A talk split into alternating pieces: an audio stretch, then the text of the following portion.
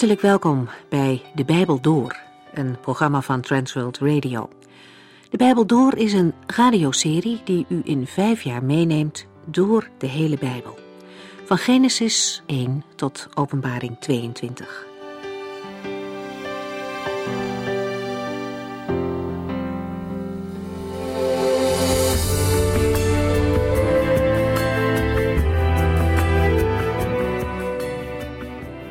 Handelingen 17, daar waren we gebleven. Het zendingsteam van Paulus reist verder naar Thessalonica. Er is daar een Joodse gemeenschap en zoals ze gewend zijn, beginnen ze daar met de boodschap van Christus te vertellen. Als Paulus de Joden toespreekt, dan doet hij dat altijd aan de hand van het Oude Testament, want daarin staan allerlei verwijzingen naar Christus. Er komen enkele Joden tot geloof, maar het zijn vooral Grieken die zich bekeren. En voorname vrouwen. Die worden hier even apart genoemd als een opvallende groep. Uit deze mensen ontstaat een enthousiaste christengemeente. In de brief die Paulus later naar deze gemeente stuurt, vertelt hij dat ze het evangelie, ondanks verdrukking, met heel veel blijdschap hebben aangenomen. En dat niet alleen. In de wijde omtrek is bekend geworden dat zij volgelingen van Jezus zijn en dat ze zijn komst uit de hemel verwachten. Juist in zijn brieven aan deze gemeente schrijft Paulus ook veel over wat er in de toekomst gaat gebeuren. Het vertrek van Paulus en Silas uit deze stad is nogal hals over kop. Jaloerse Joden hebben voor flink wat onrust gezorgd bij het stadsbestuur, zodat de gastheer van de zendelingen ter verantwoording wordt geroepen. Hij komt er met een hoge boete vanaf, maar de gasten worden s'nachts weggeholpen. In Berea ontmoeten ze mensen met een open houding. De Joden komen tot geloof, maar, staat erbij, ze slaan ook dagelijks de geschriften erop na om te kijken of de woorden van Paulus wel kloppen. Dat is ook voor ons een voorbeeld. Bekende predikers kunnen dingen zeggen die heel mooi klinken, maar het is belangrijk om zelf alles aan de Bijbel te toetsen. Daarin staan de woorden die van God zijn. En die blijven altijd de norm, ook voor de boodschap die voorgangers brengen. In Berea komen velen juist door hun onderzoekende houding tot geloof, want de geschriften bevestigen wat ze te horen krijgen van Paulus. Het woord van God overtuigt hen. Vandaag lezen we verder vanaf hoofdstuk 17, vers 22. Paulus is inmiddels in Athene en wacht daar op Timotheus en Silas.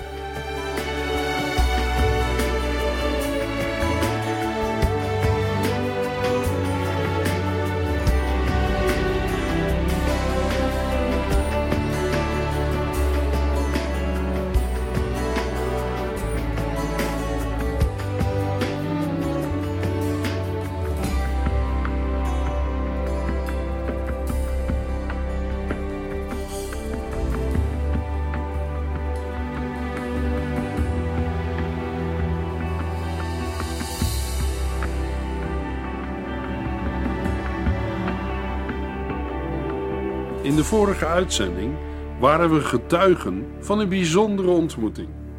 De apostel Paulus ontmoette een aantal Griekse filosofen op de Areopagus. In Handelingen 17 lazen we: Zij, de filosofen, namen hem, Paulus, mee naar de raad van de Areopagus en vroegen: Mogen wij eens wat meer horen over die leer van u? Want die is nieuw voor ons. Wij hebben u dingen horen zeggen die ons vreemd in de oren klinken.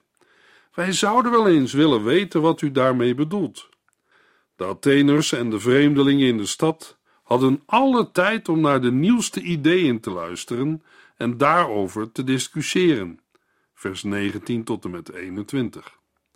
De beschrijving die Lucas van de Atheners geeft is treffend. Hun intellectuele nieuwsgierigheid was spreekwoordelijk. Toch overdrijft Lucas door te stellen dat de Atheners en de vreemdelingen in de stad alle tijd hadden om naar de nieuwste ideeën te luisteren en daarover te discussiëren. Maar door het zo te zeggen, komt zijn ironie des te scherper tot uitdrukking. Athene, voorheen het centrum van de Griekse filosofie, is verworden tot een plaats waar iedereen zijn ideeën aan de man kan brengen en waar de toehoorders alleen maar belust zijn op het laatste nieuws. Door het zo te verwoorden bereidt Lucas zijn lezers er alvast op voor dat het evangelie weinig ingang zal vinden bij de intellectuelen van Athene. Hun zucht naar wijsheid en kennis is juist een belemmering om het heil van de Heere het evangelie te ontvangen. Gods wijsheid is van een totaal andere orde. 1 Corinthiërs 1 vers 18 tot en met 25.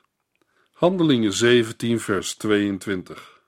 Paulus richtte zich tot de leden van de raad van de Areopagus en zei: Mannen van Athene, aan alles in de stad zie ik dat u buitengewoon godsdienstig bent.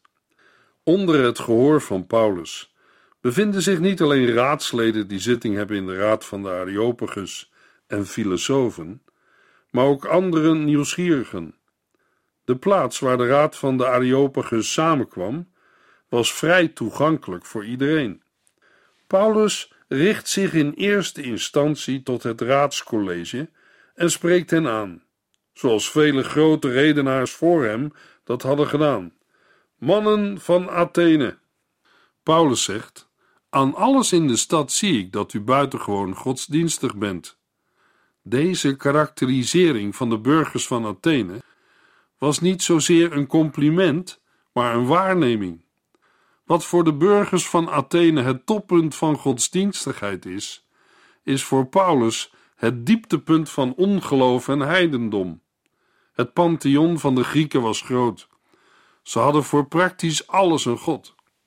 Wij horen mensen wel eens zeggen: waarom moeten er zendelingen naar verre landen worden gestuurd? Ze hebben toch hun eigen godsdienst?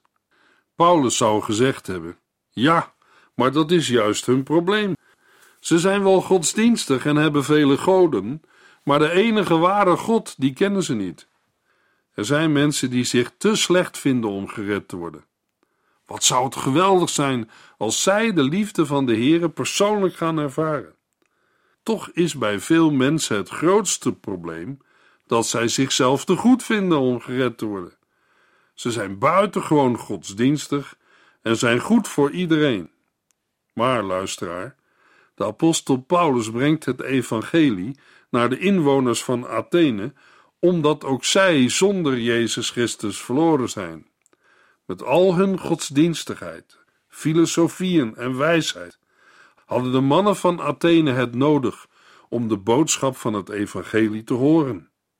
Handelingen 17 vers 23 Want terwijl ik hier rondliep en de beelden en altaren van uw goden bekeek, zag ik ook een altaar waarop stond voor de onbekende God. U hebt hem vereerd zonder hem te kennen, en nu kom ik u over hem vertellen. Waarom vindt Paulus hen zo godsdienstig? Omdat zij in hun ijver om de goden te behagen zelfs een altaar hebben opgericht voor de onbekende God. Waarom? Om er zeker van te zijn dat ze geen enkele God tekort zouden doen. Paulus ziet hierin een mogelijk aanknopingspunt om over de ware God van Israël te spreken. Het heeft Paulus geprikkeld wat hij in Athene zag: tempels, beelden, altaren, van alles en nog wat. Hij heeft alles nauwkeurig bekeken. Hun zucht naar wijsheid en inscriptie aan de onbekende God maakt Paulus duidelijk waarom hij is gekomen. Hij is gekomen om deze onbekende God bekend te maken. Daarmee opent Paulus de deur voor de verkondiging van het evangelie. Tegelijk is daarmee de beschuldiging dat hij de bedoeling heeft om hen in andere goden te laten geloven, vers 18, weerlegd. Paulus verkondigt de God die zij, naar hun mening, al lang kenden, als de onbekende God.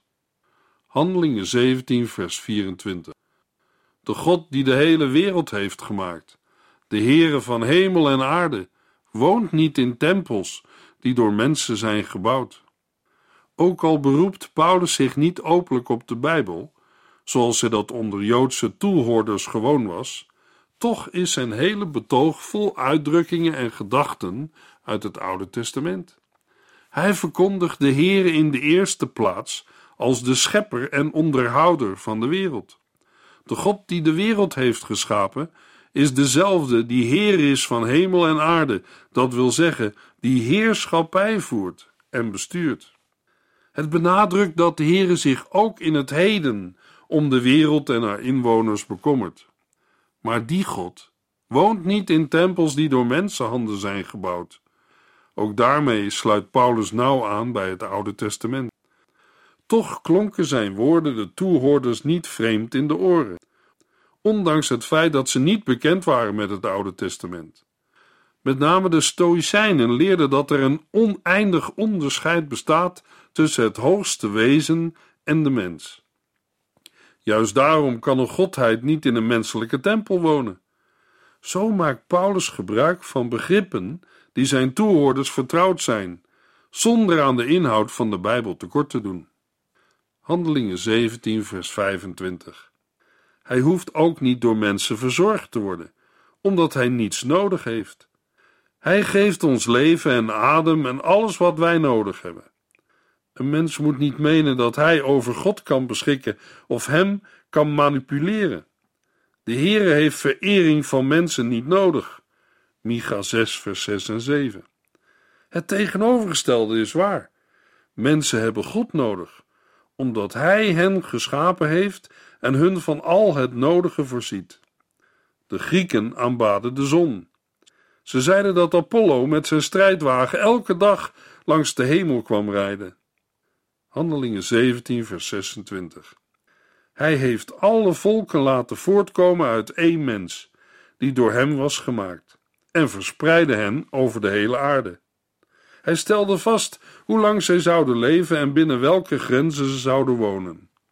God heeft het gehele mensdom uit één gemeenschappelijke voorvader geschapen. De bedoeling van de schepping van de mens was dat de mens de aarde zou bewonen. Het vaststellen van de tijden herinnert aan het boek Daniel, waarin de wereldgeschiedenis in verschillende tijdvakken wordt ingedeeld. Daniel 2 en 7. Wat Paulus in dit geval wil zeggen, is dat de opkomst en het verval van volken en naties uiteindelijk in Gods raad besloten liggen. De Heer is de soevereine Heer die de mens bewegingsvrijheid geeft binnen de door hem vastgestelde grenzen. Met grenzen worden geen nationale of politieke grenzen bedoeld, maar natuurlijke grenzen als rivieren, zeeën en bergen. In de geschiedenis van de wereld zijn veel oorlogen gevoerd omdat volken niet wilden blijven waar ze hoorden en niet tevreden waren met het gebied dat ze hadden. Ze wilden iemand anders gebied. Dat is de grondoorzaak van elke oorlog geweest die er ooit gestreden is. Handelingen 17, vers 27. Hij bepaalde dat de mensen hem zouden zoeken, in de hoop dat ze hem, misschien na veel rondtasten, zouden vinden. Het doel van de orde die God in deze wereld heeft aangebracht is dat de mensen hem zouden zoeken. De Heere zelf heeft het verlangen om hem te zoeken in de mens gelegd. De uitdrukking na veel rondtasten drukt het onvermogen van de mens uit om de Heere ten volle te kennen. Gods grootheid gaat het menselijke bevattingsvermogen te boven. En daarom komt de mens niet verder dan een rondtasten. Maar het zoeken naar God resulteert niet automatisch in een hem vinden. Paulus drukt zich heel voorzichtig uit. Ook al is er sprake van Gods openbaring in de natuur, Psalm 19, en in het geweten van de mens, Romeinen 1. Zonder verdere openbaring zal een mens de ware God niet vinden. Dat is te wijten aan de zondigheid van de mens, waardoor het menselijk verstand is verduisterd. Romeinen 1, vers 18 tot en met 32. Handelingen 17, vers 28.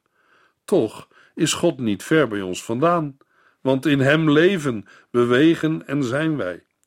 Een van uw dichters heeft het zo gezegd: wij zijn uit Hem voortgekomen. Paulus verklaart waarom God niet ver bij ons vandaan is. Dat doet Paulus aan de hand van twee dichtregels uit de Griekse literatuur. De woorden, want in Hem leven, bewegen en zijn wij, zijn mogelijk ontleend aan de dichter Epimenides, terwijl wij zijn uit Hem voortgekomen, van de dichter Aratus afkomstig is. Paulus maakt duidelijk dat de hele werkelijkheid in God besloten ligt. Er is niets dat niet door hem wordt gedragen. Alles en iedereen is wat betreft het voortbestaan afhankelijk van hem. Paulus kan zeggen dat de mens uit God is voortgekomen, omdat de mens door God naar zijn beeld en gelijkenis is geschapen. God en mens zijn verwant, niet omdat de mens een goddelijke kern zou bezitten, maar omdat, en voor zover, God en mens beiden geestelijke wezens zijn. Handelingen 17, vers 29. Wij zijn dus uit God voortgekomen en moeten niet denken dat we Hem kunnen uitbeelden in goud, zilver of steen. God is niet te vangen in een kunstwerk of de verbeelding van een mens. Uit de erkenning dat God en mens verwant zijn, volgt een belangrijke consequentie. Immers, omdat God geest is, is het onmogelijk om Hem af te beelden of een voorstelling van Hem te maken. Om zijn toehoorders duidelijk te maken wat hij bedoelt, redeneert Paulus niet vanuit de geschreven openbaring, maar vanuit menselijk standpunt. Een mens is meer dan alleen een lichaam, een mens is een geestelijk wezen. Daarom is hij van hetzelfde geslacht als God, die ook geestelijk is. Aan goud en zilver ontbreekt die geestelijke dimensie. Elke afbeelding van God is dan ook een bedriegelijke vervalsing van de werkelijkheid, die voortkomt uit de gedachten van de mens. Handelingen 17, vers 30. Hij heeft de domheid van de mensen een hele tijd geduldig verdragen, maar roept hen nu allemaal op tot een volledige ommekeer. Paulus spreekt over de domheid, dat wil zeggen de onwetendheid van de heidenen, en zegt dat God die tijden geduldig heeft verdragen. Dit wil zeggen dat de Heer een einde maakte aan hun onwetendheid door zich nu ook aan de heidenen te openbaren. De Heer roept nu iedereen op tot een volledige omkeer. Handelingen 17, vers 31.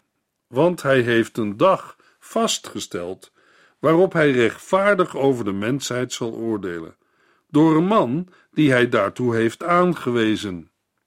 Om iedereen te garanderen dat hij zijn woord zal houden, heeft hij die man uit de dood laten terugkomen. Paulus vertelt ook in Athene over de opstanding van Jezus Christus. De opstanding van Jezus Christus uit de dood is een bekendmaking aan alle mensen. Ieder mens, niet alleen Joden, op elke plaats, niet alleen Israël, wordt nu opgeroepen om zich te bekeren. De universele oproep tot bekering wordt gemotiveerd door een beroep op de dag van het oordeel, waarop iedereen rekenschap zal moeten afleggen van zijn daden. De Heere heeft die dag al bepaald. Hij heeft daartoe ook al de persoon aangewezen door wie hij het oordeel zal voltrekken: Jezus Christus. Handelingen 17, vers 32.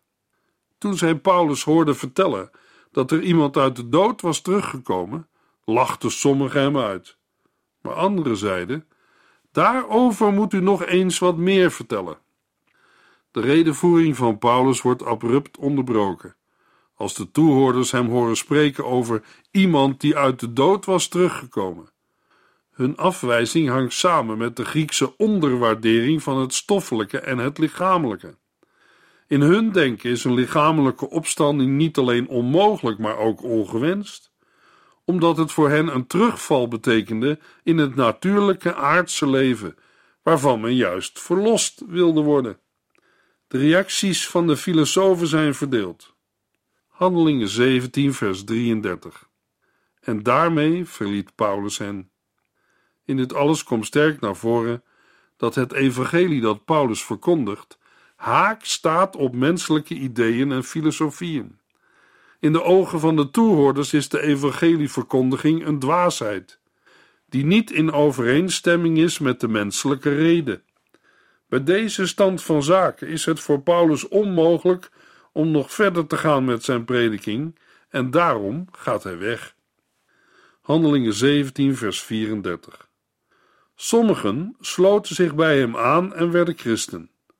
Onder hen waren Dionysius, een lid van de Areopagus, en een vrouw die Damaris heette, en nog enkele anderen. De verkondiging van het evangelie is nooit zonder resultaat. Handelingen 18, vers 1. Paulus verliet Athene en ging naar de stad Korinthe. Naar aanleiding van de gebeurtenissen in Athene besluit Paulus de stad te verlaten en zijn reis voort te zetten. Zo komt hij in de stad Korinthe. Korinthe is de hoofdstad van de Romeinse provincie Achaïe. Het was gelegen op een smalle strook land die het schiereiland Peloponnesos met het Griekse vasteland verbindt. Door deze ligging had de stad twee zeehavens, de ene in verbinding met de Egeïsche Zee en de andere in verbinding met de Adriatische Zee. Door het drukke scheepvaartverkeer had Korinthe een zeer gemengde bevolking.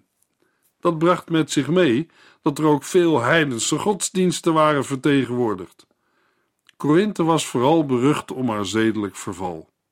Dit bleek met name uit de grote omvang van de tempelprostitutie.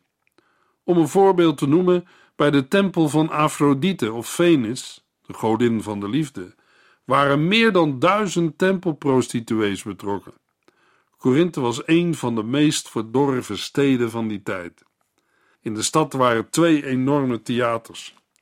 Paulus kwam in Korinthe op zijn tweede zendingsreis en later nog een keer tijdens zijn derde zendingsreis. Handelingen 18, vers 2. Daar ontmoette hij Aquila, een Jood uit Pontus, en zijn vrouw Priscilla. Ze waren kort daarvoor uit Italië gekomen. Keizer Claudius had namelijk bevolen dat alle Joden Rome moesten verlaten. Op zoek naar onderdak en levensonderhoud komt Paulus in contact met een Joods echtpaar dat nog niet zo lang geleden, onder druk van een decreet van keizer Claudius, Rome had moeten verlaten. Zij zullen later een belangrijke plaats innemen in het leven en de bediening van Paulus als steunpilaren van de christelijke gemeente. Ook zij waren net als Paulus het slachtoffer van vervolging. Handelingen 18, vers 3. Paulus bleef bij hen en werkte met hen samen, omdat zij, net als hij, tentenmakers waren. Omdat Aquila en Priscilla hetzelfde beroep blijken uit te oefenen als Paulus, neemt hij bij hen zijn intrek. Hij vindt er niet alleen onderdak, maar ook een manier om in zijn levensonderhoud te voorzien. Van de Corinthiërs heeft Paulus tijdens zijn zendingswerk in Korinthe geen financiële ondersteuning ontvangen, wel uit de gemeente van Filippi. Hun gemeenschappelijk beroep was dat van tentenmaker. Het woord werd in die tijd ook meer algemeen gebruikt voor leerbewerker. Paulus had daartoe maar weinig gereedschap nodig en kon in iedere stad waar hij kwam gemakkelijk opdrachten aannemen. Handelingen 18, vers 4 en 5. Elke sabbat was hij in de synagoge te vinden, waar hij met Joden en gelovige Grieken discussieerde en probeerde hen te overtuigen. Nadat Silas en Timotheus uit Macedonië waren aangekomen, richtte Paulus zich helemaal op de verkondiging van het goede nieuws. Bij elke gelegenheid wees hij de Joden er met grote nadruk op dat Jezus de Christus is. Terwijl Paulus op doordeweekse dagen zijn beroep uitoefent om inkomen te krijgen, gaat hij elke sabbat naar de synagoge om het woord te verkondigen. Uit een inscriptie die in Korinthe is gevonden, blijkt dat er in de dagen van Paulus inderdaad een synagoge in Korinthe is geweest. Elke sabbat geeft aan dat Paulus langere tijd in de stad moet zijn gebleven en ruimschoots de gelegenheid kreeg om het evangelie in de synagoge te verkondigen. Hoe het Silas sinds zijn verblijf in Berea is vergaan, valt niet met zekerheid te zeggen.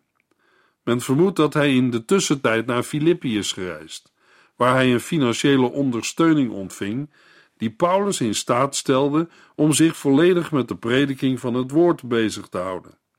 Van Timotheus weten we dat hij na een kort bezoek aan Athene teruggekeerd is naar Thessalonica om de gemeente te versterken.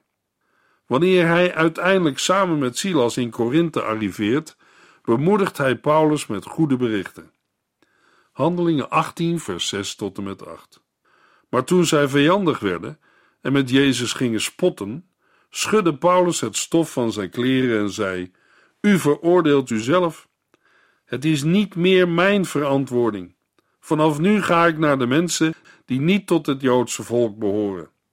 Hij verliet de synagoge en ging naar het huis ernaast, waar Titius Justus woonde. Dit was een man die God vereerde, hoewel hij geen Jood was. Crispus, de leider van de synagoge, en al zijn huisgenoten kwamen wel tot geloof in de Heer. Er waren nog veel meer Corinthiërs die wel aannamen wat Paulus zei en zich lieten dopen. Tegenstand van de kant van de Joden blijft niet uit. De Joden verzetten zich tegen Paulus en worden vijandig. Paulus reageert door het stof van zijn kleren af te schudden. Een Joods gebruik waarmee hij duidelijk maakt dat hij hen aan zichzelf overlaat. Vervolgens stelt hij hen zelf verantwoordelijk voor de gevolgen van hun afwijzing van het evangelie. Nu Paulus niet langer welkom is in de synagoge, is hij genoodzaakt zijn prediking ergens anders voor te zetten. De mogelijkheid daartoe wordt hem geboden door een zekere Titius Justus, een vereerder van God die zijn huis openstelt voor de verkondiging van het evangelie. Dat zijn huis grenst aan de synagoge moet voor Paulus een uitkomst, maar voor de Joden een doorn in het oog zijn geweest. De juistheid van Paulus' besluit om een ander onderkomen te zoeken wordt bevestigd, doordat er veel mensen tot geloof komen. De aandacht valt daarbij vooral op Crispus, de leider van de synagoge, die met al zijn huisgenoten tot geloof in Jezus Christus komt. Met zijn bekering zet hij zijn positie als leider van de synagoge op het spel. Uit vers 17 valt af te leiden dat er een tijdje later een andere leider van de synagoge is, namelijk Sosthenes. Mogelijk is hij, Crispus, opgevolgd. Veel Corinthiërs komen tot geloof toen ze van de bekering van Crispus hoorden. Het voorbeeld van Crispus maakte indruk en wekt velen op tot navolging. Net zoals op andere plaatsen in het Nieuwe Testament worden geloof en doop in één adem genoemd. De doop van Crispus wordt in 1 Corinthians 1 vers 14 apart vermeld, omdat Paulus hem persoonlijk heeft gedoopt. In de volgende uitzending lezen we hoe het verder gaat in Korinthe en lezen we het vervolg van Handelingen 18.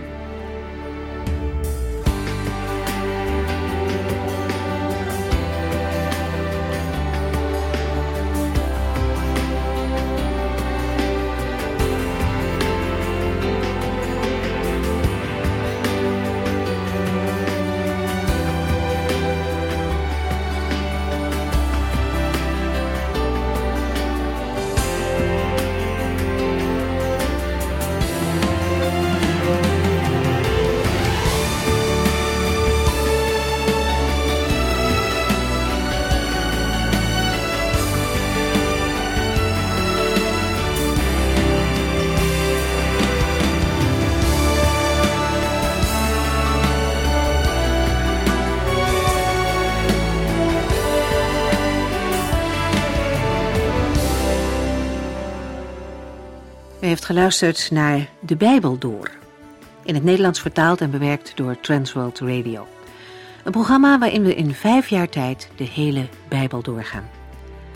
Als u wilt reageren op deze uitzending of u heeft vragen, dan kunt u contact met ons opnemen. Tijdens kantooruren kunt u bellen op 0342 47 8432. 0342 47 8432. 32. Ook kunt u een e-mail sturen naar de Bijbel door transworldradio.nl en natuurlijk kunt u ook via de post ons bereiken. TWR, postbus 371, postcode 3770, AJ in Barneveld. Dit programma werd gepresenteerd door Cor Weda en Ike André. Techniek was in handen van Odin van Woerdekom. En wij allemaal bedanken u voor het luisteren. Graag tot de volgende keer.